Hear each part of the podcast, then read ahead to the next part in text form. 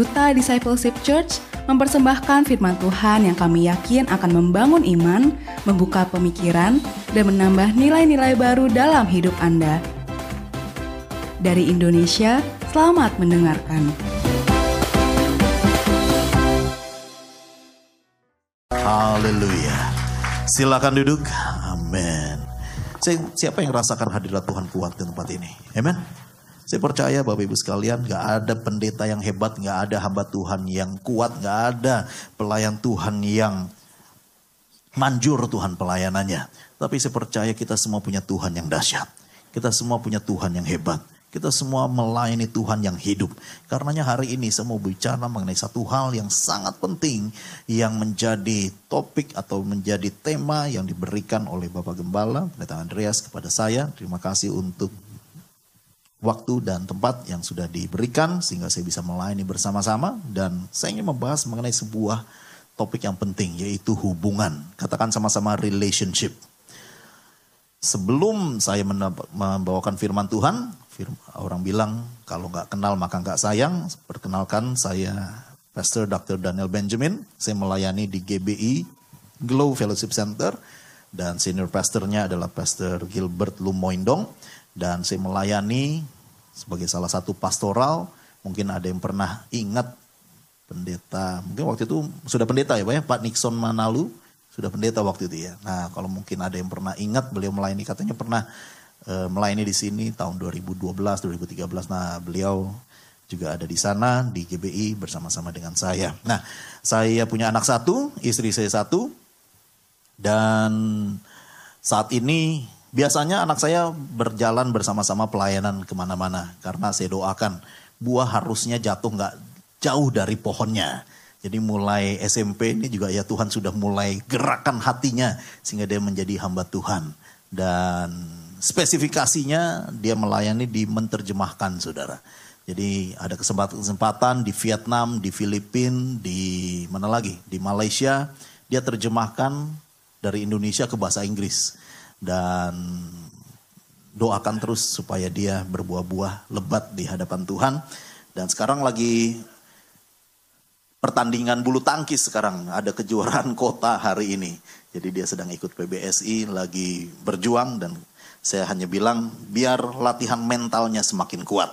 Jadi jangan cuma jago kandang doang, ada tanding di gereja atau tanding di sekolahnya, tapi juga harus tetap bisa ikut di kejuaraan-kejuaraan supaya dia mentalnya dibentuk. Nah siapa yang siap untuk menerima firman Tuhan katakan amin. Bilang ke kiri ke kanan, kok lu gak bilang amin sih? Eh ayo dong amin gitu ya. Siap terima firman Tuhan, amin? Oke, okay. Tadi yang di, tadi yang ditepok ah biasanya lu yang ngantuk nggak bilang gitu juga. Kadang-kadang saudara ya orang kalau lagi dengar firman memang hadirat Tuhan tuh kuat saudara sampai lebih tenang, lebih bisa tidur di sini daripada di rumah, benar nggak? Karena saking indahnya hadirat Tuhan. Kadang-kadang saya lihat ada jemaat begini, eh, lu tuh ya tidur aja di gereja dengar khotbah bisa tidur. Lu kalau tidur di rumah sana, tidur di sini, ngorok lagi sampai gua bangun. Artinya dia kebangun gara-gara sebelahnya ngorok saudara. Haleluya. Tapi hari ini tidak ada yang tidur, nggak ada roh ngantuk. Amin. Oke, semuanya siap untuk dengarkan firman Tuhan. Katakan sama-sama saya siap dengar firman Tuhan. Nah, firman yang saya akan sampaikan hari ini, please, uh, projector. Oh, kok proyektor sih kelihatan banget umurnya ya. Proyektor OHP gitu. Sekarang in focus. Nah, saya akan bicara mengenai hubungan dengan Tuhan dan manusia. Katakan sama-sama hubungan. Karena di dalam Matius pasal yang ke-22 dan saya juga lihat ada yang memberikan sebuah uh, tulisan di warta yaitu bicara tentang hubungan. Siapa yang menulis ya? Jadi cukup uh, kena juga. Jadi manusia berhubungan dengan Tuhan, manusia berhubungan dengan orang lain. Itulah yang disebut di dalam Matius 22, 38 sampai 40 bahwa kasihilah sesamamu manusia sama seperti dirimu sendiri dan kasihilah Tuhan Allahmu dengan segenap hatimu, dengan segenap jiwamu, dengan segenap akal budimu. Karena kekristenan bicara tentang hubungan. Anda ada di sini bukan karena Anda orang Kristen. Anda ada dan beribadah di tempat ini bukan karena KTP Anda Kristen. Karena Anda ingin berjumpa dengan Tuhan. Katakan amin. Karena Anda ingin punya koneksi yang kuat dengan Tuhan. Karenanya saya percaya ada banyak pengajaran-pengajaran di luar sana yang cukup memprihatinkan oleh karena kedengarannya baik karena kedengarannya cukup masuk akal, tetapi sebetulnya tidak didasari oleh firman Tuhan yang kuat saudara. Ada yang berkata ngapain sih ke gereja? Ini kan zaman anugerah. Kalau nggak datang jam doa, kalau nggak datang hari minggu, kalau nggak datang di pelayanan, ya cuek-cuek aja. Ini kan zaman anugerah. Ma ikut Tuhan, maksudnya datang ke gereja setiap minggu juga nggak menambah-nambah kita masuk surga. Yang penting kita udah masuk surga, udah tenang aja. Gitu. Kalau mau dengar firman Tuhan, tinggal buka YouTube, ya kan? Tinggal buka handphone. Firman Tuhan juga ada. Kalau mau rasakan hadirat Tuhan, tinggal klik Gitu. Ada lagu Hillsong lah, ada lagunya Battle lah, ada lagunya apa. Tinggal nikmati aja hadirat Tuhan di rumah. Ngapain jauh-jauh pergi ke gereja?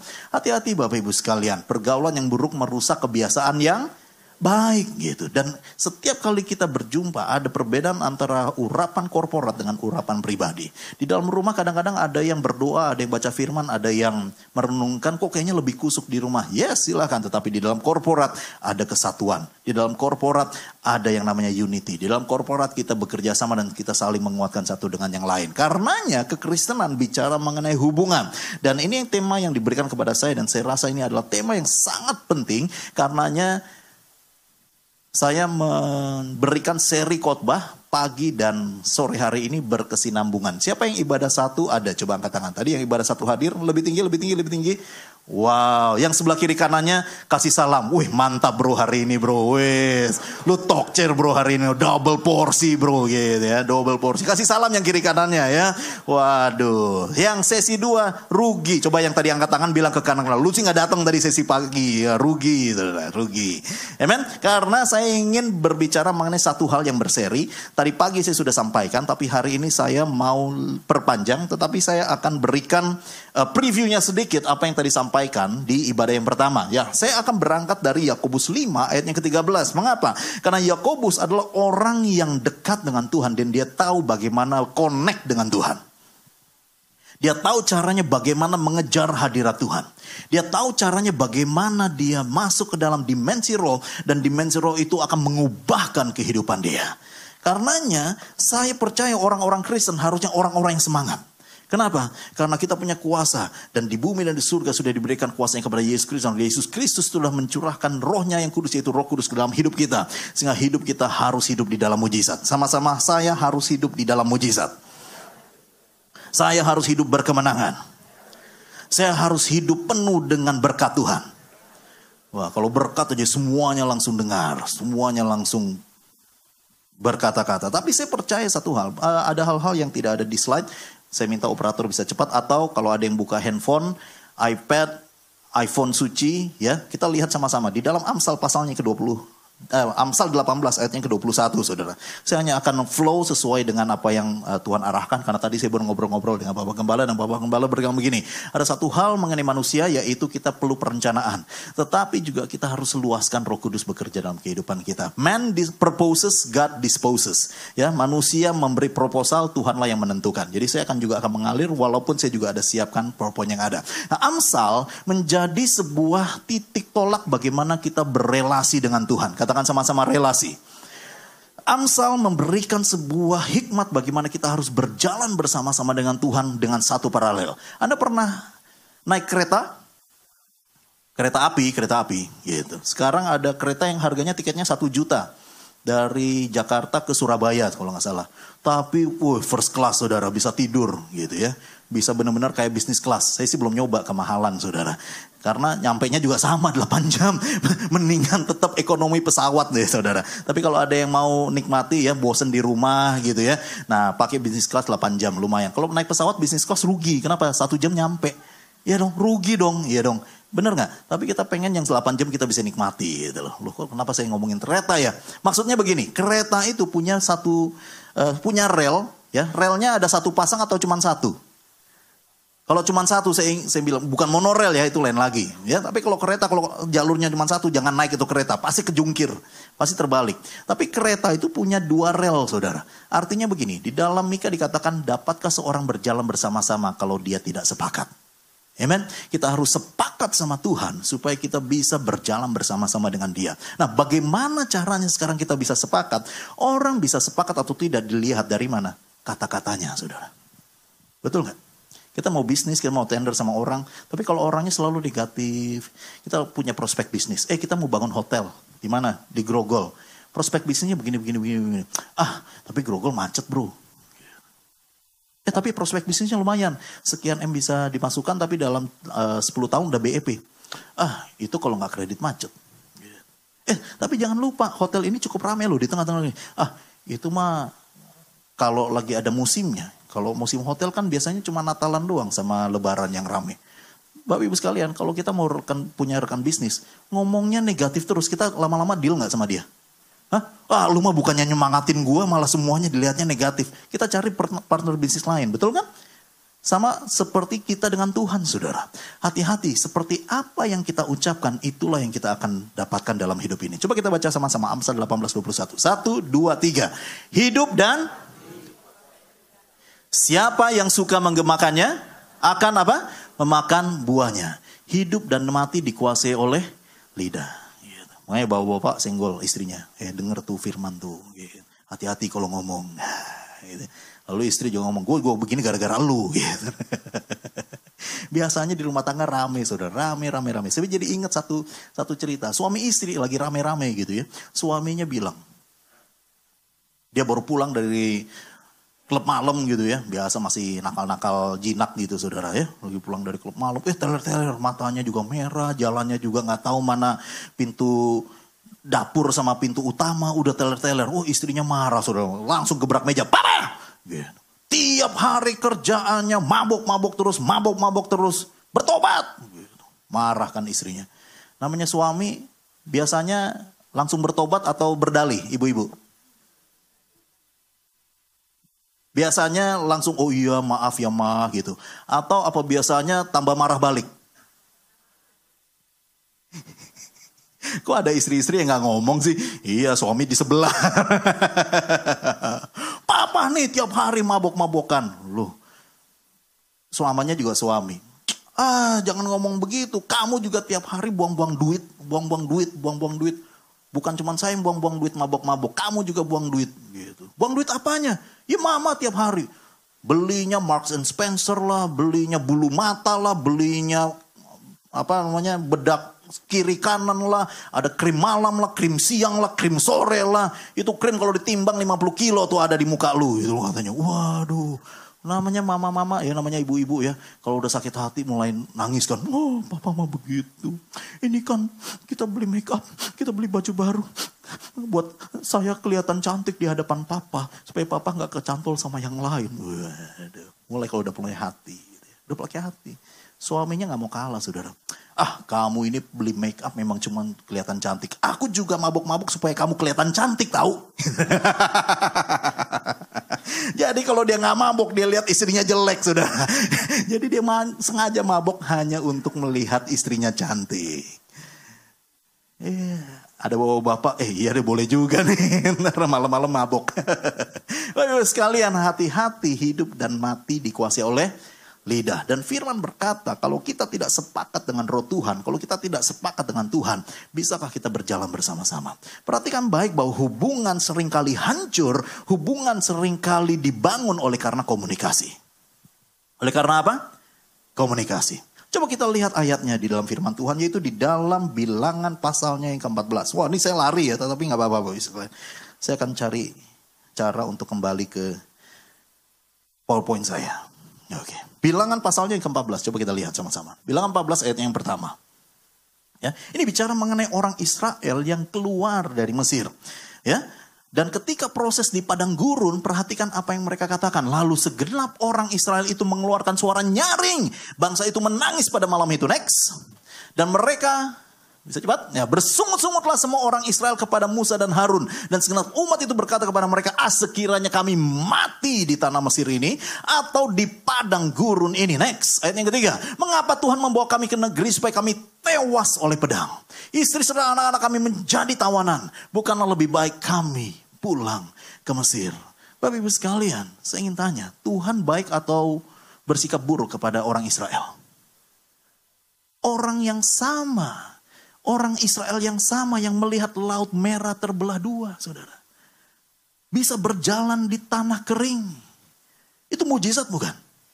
Dahsyat saudara. Orang Israel yang sama yang mendapatkan makanan gratis setiap hari ada burung puyuh. Ketika mereka lapar tinggal tangkap, goreng lalu makan setiap hari di padang gurun. Mereka kehausan tinggal Musa pukul batu karang itu. Sehingga air keluar dari batu karang sehingga satu juta orang bisa minum. Can you imagine that? Ada, ada bapak yang handle secara logistik. Coba ingat peristiwa Israel saudara. Musa itu luar biasa. Dia pasti direktur logistik terhebat. Karena dia harus memberi makan satu juta orang. Di padang gurun bayangin gimana caranya.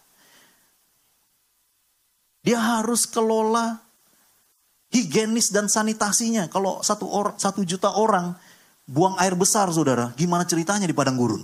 Kayak kucing ngorok-ngorok gitu kan? Gitu. Lalu sanitasinya bagaimana? Bagaimana cara kehidupan mereka yang sehat supaya bisa tetap sehat berjalan? Dan bagaimana tentang logistik mereka? Bagaimana tentang moving out dari satu tempat ke tempat yang lain? Itu mujizat semua kalau kita bisa bayangkan.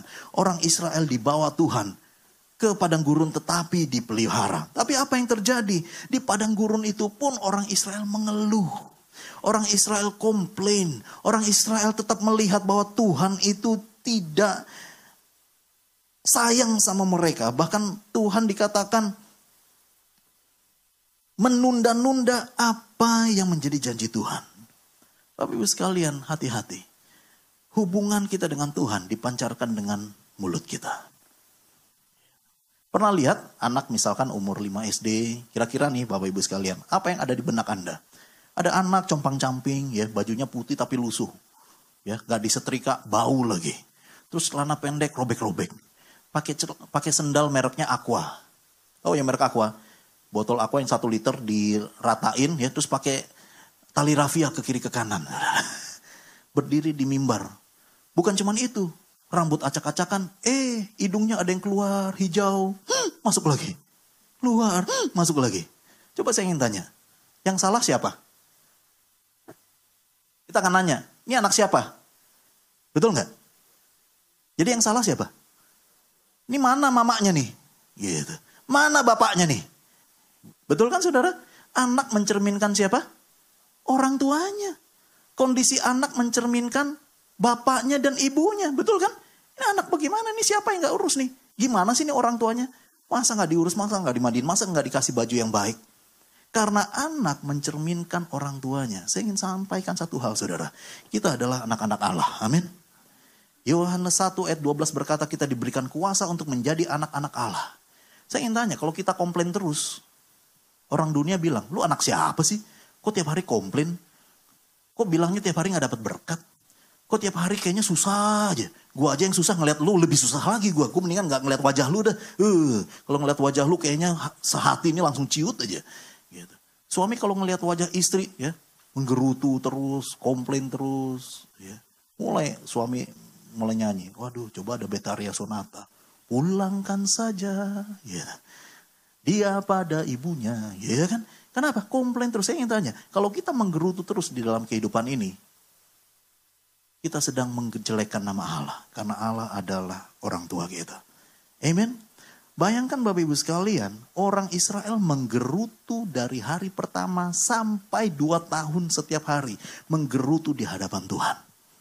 Saya ingin sampaikan satu hal hari ini. Hubungan is about communication. Relationship is about how you speak in front of God and in front of others. Hubungan berbicara komunikasi. Bagaimana engkau bisa berkomunikasi dengan baik di hadapan Tuhan dan berkomunikasi baik di hadapan sesama. Gereja ini akan disebut gereja yang penuh kasih ketika setiap orang saling mengasihi satu sama lain.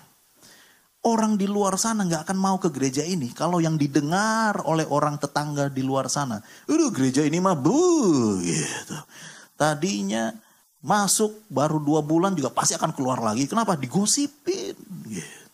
Di ngomongin. Gereja ini, waduh, ngeri deh. Gitu. Tapi saya ingin sampaikan sesuatu saudara. Kalau gereja ini penuh dengan kasih. Ucapannya jemaat sama satu, satu sama lain. Ucapannya adalah ucapan mendukung. Ucapan yang membangun. pasti gereja ini akan meledak dan diberkati Tuhan luar biasa dengan jiwa-jiwa yang banyak. Berikan pujian yang meriah bagi Tuhan. Kuncinya adalah hubungan saudara, relationship antara kita dengan manusia, dengan kita, dengan Tuhan. Di tengah-tengah padang gurun yang panas, seluruh orang Israel bersungut-sungut, tapi catat baik-baik, ada dua orang yang punya kata-kata yang positif. Bilangan 14 ayatnya yang ke-8. Firman berkata apa? Yosua dan Kaleb berkata, jika Tuhan berkenan kepada kita, maka ia akan membawa kita masuk ke negeri itu dan akan memberikannya kepada kita suatu negeri yang berlimpah-limpah susu dan madunya. Saya ingin tanya sesuatu, mereka alami hal yang sama enggak? Yang orang Israel yang lain. Sama saudara. Mereka alami yang sama nggak di padang gurun panas-panasan? Sama saudara. Tapi mereka Yosua dan Kaleb dan orang Israel mereka semua pun memiliki hal yang sama, mujizat yang sama. Yaitu ada tiang api di malam hari untuk memanaskan mereka. Dan tiang awan di siang hari untuk menudungi mereka dari panas terik matahari. Tapi ucapannya menentukan masa depan setiap orang. Katakan sama-sama, ucapan saya menentukan masa depan saya. Mungkin setahun yang lalu ya, pernah dengar kan ada hakim agung ya mengucapkan satu kata yang gak senonoh dengan kasus seseorang perempuan yang dilecehkan saudara. Anda pasti ingat, Anda search aja ke, ke belakang. Hakim ini gak punya track record yang jelek saudara. Tapi hanya dengan satu kalimat yang gak senonoh terhadap satu kasus wanita yang dilecehkan. Dicopot loh jabatannya. Sampai hakim ini sampai nangis-nangis, aku nggak sengaja, itu cuman ngomongan ya makan siang dan segalanya. Bahkan anaknya kalau nggak salah sampai nangis-nangis, enggak papaku nggak begitu kok, papaku bukan orang yang kejam begitu. Tetap nggak bisa dipulihkan saudara nama baiknya. Hancur betul-betul. Hati-hati dengan ucapan yang kita katakan, terutama di hadapan Tuhan. Mengapa? Karena dengan satu mulut orang dimenarkan, dengan ucapan yang sama, seseorang dihukum kita lihat bilangan 14 ayatnya yang ke-28. Kata-kata kita menentukan masa depan. Bilangan 14 28 berkata, katakanlah demi kepada mereka, demi aku yang hidup, demikianlah firman Tuhan, bahwasanya seperti yang kamu katakan di hadapanku, demikianlah akan kulakukan kepadamu. Ayat yang ke-29, di padang gurun ini bangkai-bangkaimu akan berhantakan.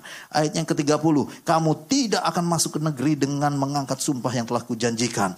31, tentang anak-anakmu yang telah kau, kamu katakan mereka akan menjadi tawanan. Mereka juga akan menjadi tawanan, saudara.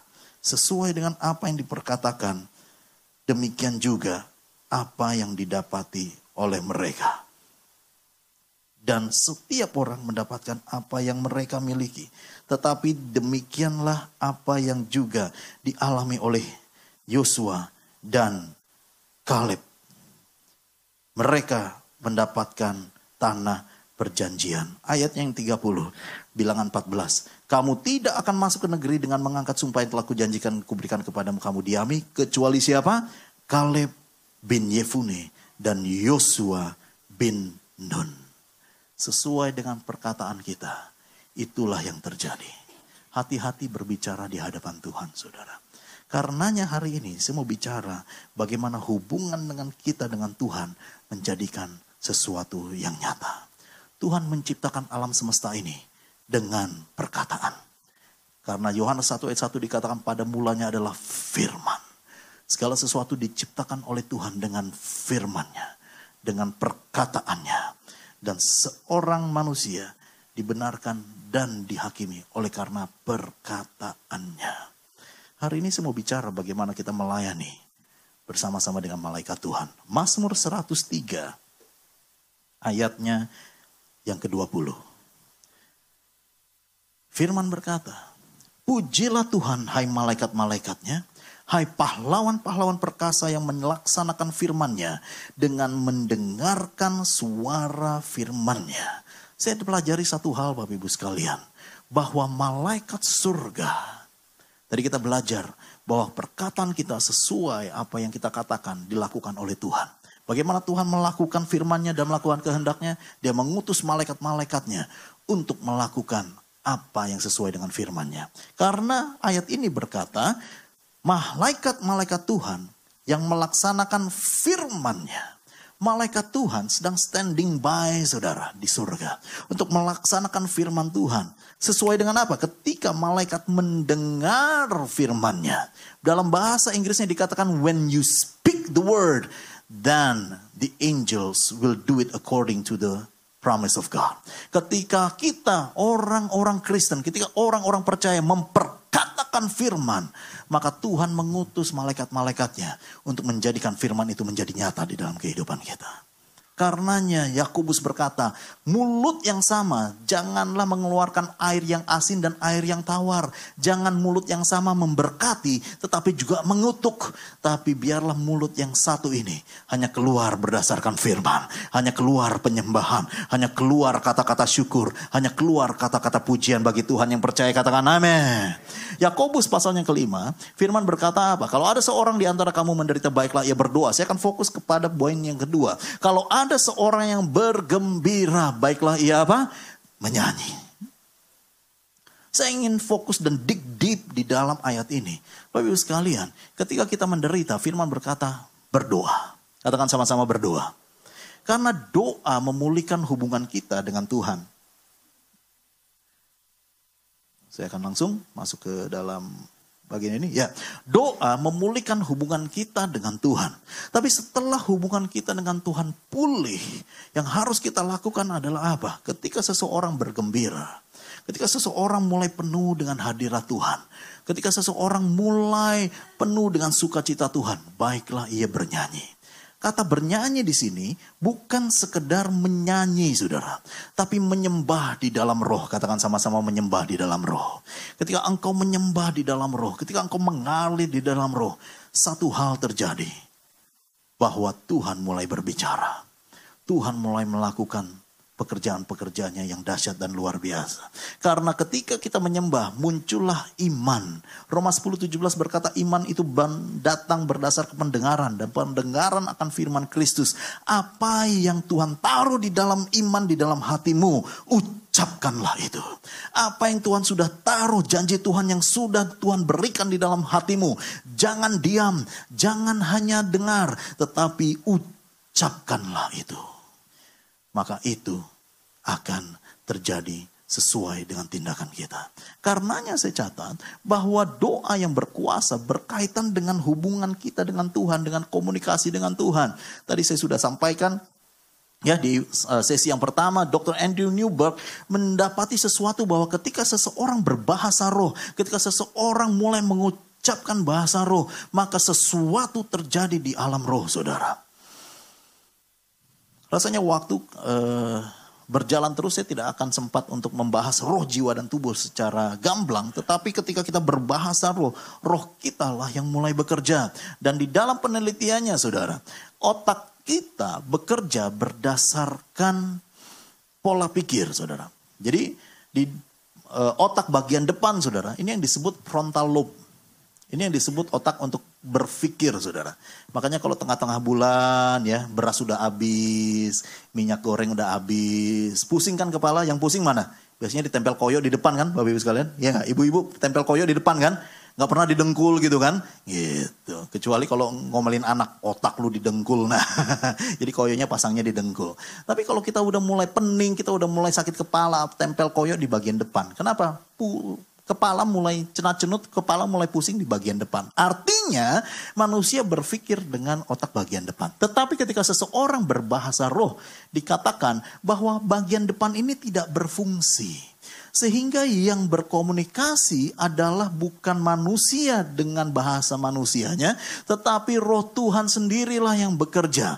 Ketika berbahasa roh frontal lobe tidak berfungsi, ini mengindikasikan ada pribadi yang lain yang menguasai manusia. Frontal lobe tidak aktif ketika seseorang berbahasa roh. Sama seperti dalam Roma 8 ayat 26. Firman berkata, tapi roh sendiri yang berdoa untuk kita kepada Allah dengan keluhan-keluhan yang tidak terucapkan. Ada banyak hal yang tidak bisa engkau terobos dengan pikiran sendiri. Ada banyak hal, ada banyak penyakit, ada banyak blocking, ada banyak gangguan-gangguan roh jahat yang tidak bisa kita patahkan dengan natural mind kita. Tetapi justru dengan kekuatan roh, ketika kita berbahasa roh, ketika kita connect dengan Tuhan, ketika hubungan kita dengan Tuhan kuat, dan ketika kita ucapkan firman sesuai dengan janji Tuhan, something happens.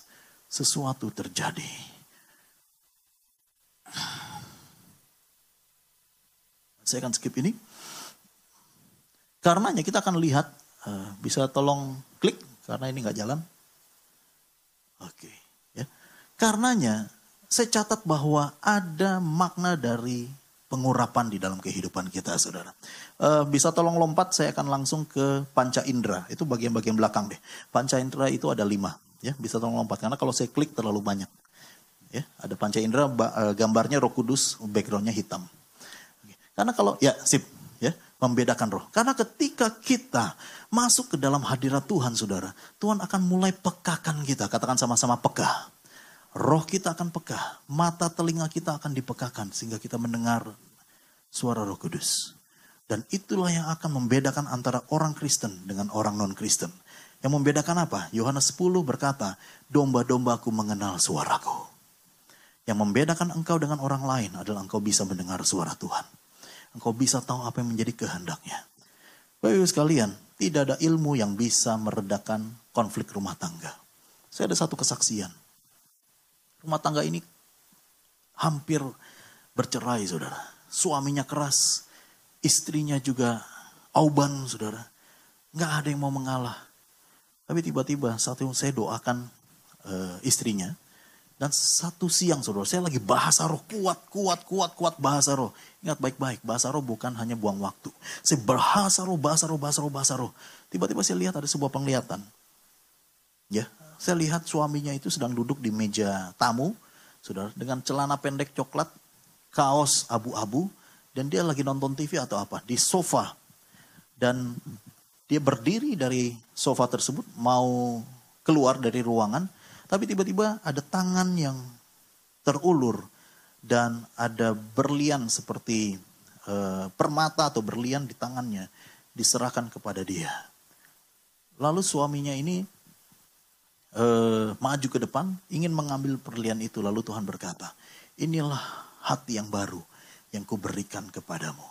Itu di dalam waktu saya berdoa siang, Saudara. Saya langsung sampaikan ke istrinya, Istrinya bekerja di sebuah perusahaan. Lalu saya sampaikan, eh saya waktu berdoa saya lihat ada penglihatan ini. Dan penglihatan yang kedua saudara, waktu saya sedang berdoa, itu seperti ada tangan hitam gelap saudara. Lalu menyapu uh, perempuan ini, istri ini, wut begitu.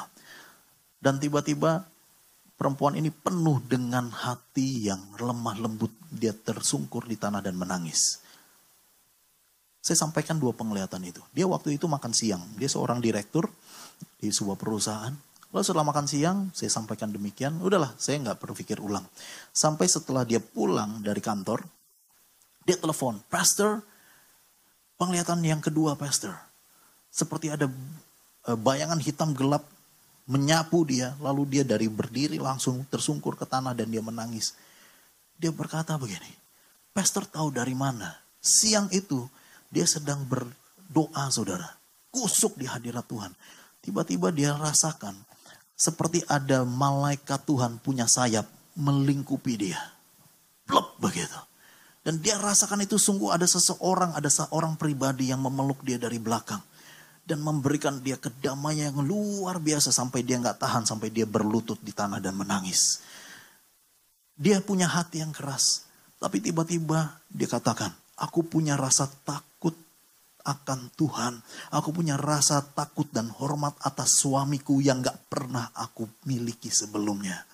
Dia pulang saudara lihat, dia mau lihat suaminya, dia bergetar, bergetar bukan karena takut mau dicambuk, bukan saudara.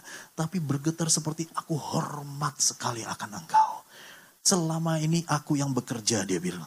Suaminya di rumah sehingga kehilangan rasa respect dari seorang istri kepada suami. Dan selalu istri inilah yang mengatur segala sesuatu. Tapi ketika siang itu ada malaikat Tuhan menyelimuti dia. Diberikan hati yang lembut, yang betul-betul takut akan Tuhan. Takut akan kepala keluarga. Dia berjumpa dengan suami dia sampai gemeter dan dia berkata aku nggak bisa berkata apa-apa. Aku betul-betul hormat akan dia. Plus minusnya banyak tetapi aku mau hormat akan dia. Dan penglihatan yang pertama, bahwa saya bilang suaminya sedang ada di rumah pakai celana pendek dengan kaos abu-abu saudara. Dia tanya sama saya, Pastor, Itu serius penglihatannya begitu. Iya saya bilang, dia pulang ke rumah saudara. Pertama kali yang dia lihat suaminya persis pakai celana pendek coklat, persis pakai kaos abu-abu sedang nonton di ruang tamu saudara. Sampai dia bilang ajaib, luar biasa. Pastor ini cenayang ya? Saya bilang enggak, enggak, saya bukan cenayang. Saya cuma suka doa. Tapi saya percaya di dalam doa Tuhan berikan penglihatan. Dan dia berkata sejak saat itu suaminya diberikan hati yang baru sama Tuhan seperti permata. Tadinya cekcok setiap hari. Setelah itu pulang mereka honeymoon saudara di luar negeri. Gak jadi cekcok tapi disatukan sama Tuhan. Berikan kemuliaan yang mulia bagi Tuhan. Seringkali konflik rumah tangga bukan karena masalah uang. Seringkali konflik rumah tangga bukan masalah siapa-siapa benar. Tapi masalah mau merendahkan hati. Sama-sama katakan rendah hati Istrinya dibalut oleh malaikat saudara. Sampai dia menangis dan tersungkur. Ya aku selama ini sombong. Karena aku yang bekerja. Suami bisnisnya lagi seret, lagi macet. Jadi aku yang selama ini berusaha mengatur. Suaminya juga yang sedang bisnisnya kacau. Selalu pulang ke rumah rame, rame sini, rame sana. Bilang ini, bilang itu. Tapi ketika Tuhan berikan hati yang baru. Suaminya hanya bisa mengasihi istrinya Bapak Ibu sekalian, pendidikan yang tinggi tidak akan bisa menyelesaikan masalah konflik rumah tangga. Keuangan yang banyak, berkat yang besar sering kali bisa memecahkan rumah tangga. Tetapi kerendahan hati yang daripada Tuhan sendiri bisa memulihkan. Melalui apa? Melalui doa saudara. Melalui hubungan yang manis dengan Tuhan. Melalui kuasa Tuhan. Karenanya kita harus peka terhadap suara roh kudus. Dan Firman berkata bahwa dadi adalah firman, madu adalah roh kudus saudara. Di dalam membedakan roh kudus kita harus tahu bahwa karunia mengetahui kuasa apa yang sedang bekerja di balik seseorang ada tiga kuasa yaitu kuasa roh kudus, kuasa manusia dan kuasa, kuasa roh jahat. Nah mari kita sekarang peka akan suara roh kudus. Karena suara roh kudus itu bisa kita terima dengan lima panca indera kita. Yaitu melalui peraba, melalui melihat, melalui next ada lima bisa tolong sampai limanya keluar ya. Melalui mengecap, melihat, mencium, yang terakhir mendengar. Saudara, kita punya lima panca indera. Kita bisa melihat dengan natural kita. Tapi kisah Rasul 28 berkata begini, ada orang yang melihat tapi tidak bisa mengerti. Ada orang yang punya telinga tetapi tuli tidak bisa mendengar firman. Tapi hari ini saya berdoa ketika kita masuk dalam hadirat Tuhan, Tuhan mencelikan matamu sehingga engkau bisa melihat penglihatan-penglihatan besar. Tuhan mencelikkan telingamu sehingga engkau bisa mendengar apa yang Roh Kudus katakan. Bahkan engkau punya hidung yang mencium. Hadirat Tuhan adalah wewangian yang luar biasa. Di dalam Wahyu dikatakan doa orang benar itu seperti dupa yang harum memenuhi isi ruangan dan hadirat Tuhan. Kita bisa mencium hadirat Tuhan yang luar biasa. Bahkan bisa mengecap. Firman berkata di dalam Mazmur, kecaplah dan lihatlah. Betapa baiknya Tuhan itu. Hari ini saya berdoa, kita semua peka akan suara roh kudus. Dan kita bisa melihat perkara-perkara besar terjadi di dalam kehidupan kita. Melalui apa? Hubungan komunikasi di dalam roh. Beberapa tahun yang lalu, saya doakan satu orang, dan ini orang kesaksian. Dia dari Kalimantan, saudara. Banjarmasin, kalau Anda tahu di sana, eh, agamanya kuat sekali. Dan dia adalah anak dari seorang petinggi rohani di sana dan dia berkata, tiap hari dia masuk pesantren, tiap hari dia sholat lima waktu, saudara. Tapi suatu hari dia berlutut dan dia berdoa. Dia berkata, aku mau tahu jalan yang benar. Aku mau tahu jalan yang menuju kehidupan. Apa yang terjadi saudara? Tiba-tiba ketika dia lagi sembayang dengan caranya dia. Dia melihat terang yang seterang matahari bersinar kepada dirinya. Dan dia melihat Isa Al-Masih berkata, akulah jalan kebenaran dan kehidupan. Akulah Tuhan yang benar. Sejak saat itu dia menjadi orang Kristen yang radikal, yang berbeda. Mengapa? Karena di dalam penyembahan, bahkan orang kafir pun Tuhan lawat. Kita pun Tuhan akan lawat ketika kita menyembah Tuhan. Kita pun Tuhan akan lakukan perkara-perkara yang besar ketika Tuhan lawat. Kemarin saya baru membereskan sebuah rumah yang diganggu roh jahat, saudara. Pembantu tiga pulang siang-siang, saudara. Kabur dari rumah. Pembantu yang keempat justru bawa jimat ada di kantongnya. Makin kuat lagi gangguan roh kudus. Uh, gangguan roh kudus, gangguan roh jahat di dalam rumah itu. Anaknya tiap hari mimpinya mimpi buruk, mimpi setan. Mereka uh, masih uh, Kristen tapi Katolik, saudara. Mereka tanya sama saya, Pastor bisa nggak didoakan? Kita datang, saudara. Saya dengan tim, saya dengan uh, datang, kita menyembah kuat, kita berbahasa roh. Tiba-tiba roh itu yang ada di dalam rumahnya, ya ingin masuk ke dalam salah satu anak rohani saya yang tim saya ingin masuk supaya apa? Roh jahat itu ingin masuk supaya bisa bicara, bisa komunikasi, saudara. Jadi dia ingin merasuki seseorang untuk bisa menyampaikan pesan dari dia. Tapi anak rohani saya berkata, keluar kamu dalam nama Yesus. Dan roh jahat itu yang tadinya garang besar luar biasa. Dalam nama Yesus tiba-tiba anak rohani saya lihat. Roh jahat itu tinggal meringkuk seperti anak kecil gemeteran ketakutan. Saudara. Dari situ ternyata rumah ini ada tempat sembayangan ya ada juga kalau di kepercayaan lain itu ada seperti mangkuk lalu diputer pakai eh, tangkainya lalu bisa bunyi saudara begitu. Ya kalau anda latar belakangnya Buddhis anda tahu lah ya saya katakan bakar itu semua itulah yang mengundang roh jahat. Kita lepaskan itu semua. Dan setiap benda-benda eh, yang dari Bali benda-benda yang dari Jogja benda yang dia ambil dari Roma dia beli dari uh, Thailand saudara. Saya sampaikan satu-satu. Ini semua setiap barang ini ada isinya. Bakar itu semua. Suaminya bukan orang yang yang percaya sama begituan saudara. Suaminya itu logikanya kuat sekali. Tapi saya ingin sampaikan satu hal. Saya berikan ilustrasi sebelum saya selesai. Saya berikan ilustrasi begini. Bapak ibu sekalian pernah nggak di rumah Anda ada tikus? Ya, Berarti bukan rumah saya doang ya. Ya, rumah Anda pernah ada tikus. Anda tahu ada tikus atau enggak? Walaupun Anda nggak lihat ada tikusnya, taunya dari mana? Hmm? Tiba-tiba kalau lagi nyapu, eh ada kotoran hitam-hitam kecil-kecil. Gitu. Atau tiba-tiba dus Indomie Anda bolong. ya kan? Ada yang gerogotin. Eh tiba-tiba toples gula terbuka. Terus bercak-bercak ke mana-mana. Kita nggak bisa lihat tikusnya, tapi kita bisa lihat aktivitasnya. Kalau begini pasti ada tikus. Gitu. Anda pasang perangkap, jebret. Eh tiba-tiba Anda tahu bahwa tikus itu pasti kena perangkap. Mati. Taunya dari mana? Dari baunya. Ya ada bau bangke nih. Pasti tikus itu kena. Betul kan? Walaupun setelah itu baru kita cari. Nah kan bener tikusnya kena. Bapak ibu sekalian, roh jahat sering kali kita di dalam dunia modern, di Jakarta, di Tangerang yang advance sekali gadget begitu banyak. Kita nggak tahu dan kita nggak sadar tentang aktivitas roh jahat.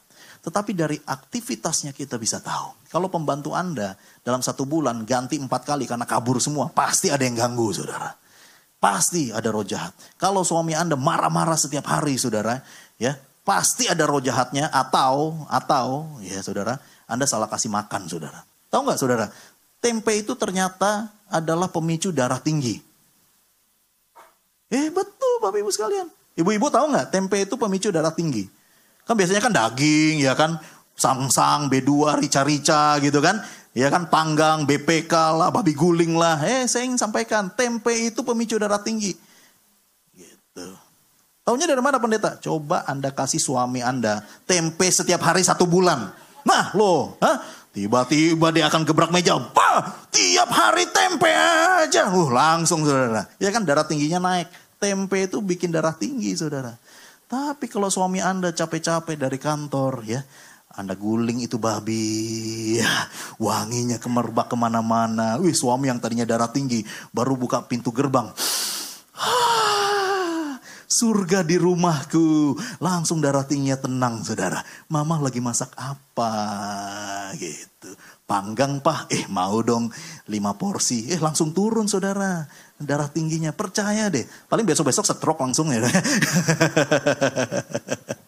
Gak bercanda saudara. Tapi kalau suami anda tiba-tiba punya emosi yang keras, punya emosi yang tinggi. Kita berdoa Tuhan ada apa? Ada yang ganggu. Ada sesuatu yang ia sedang alami.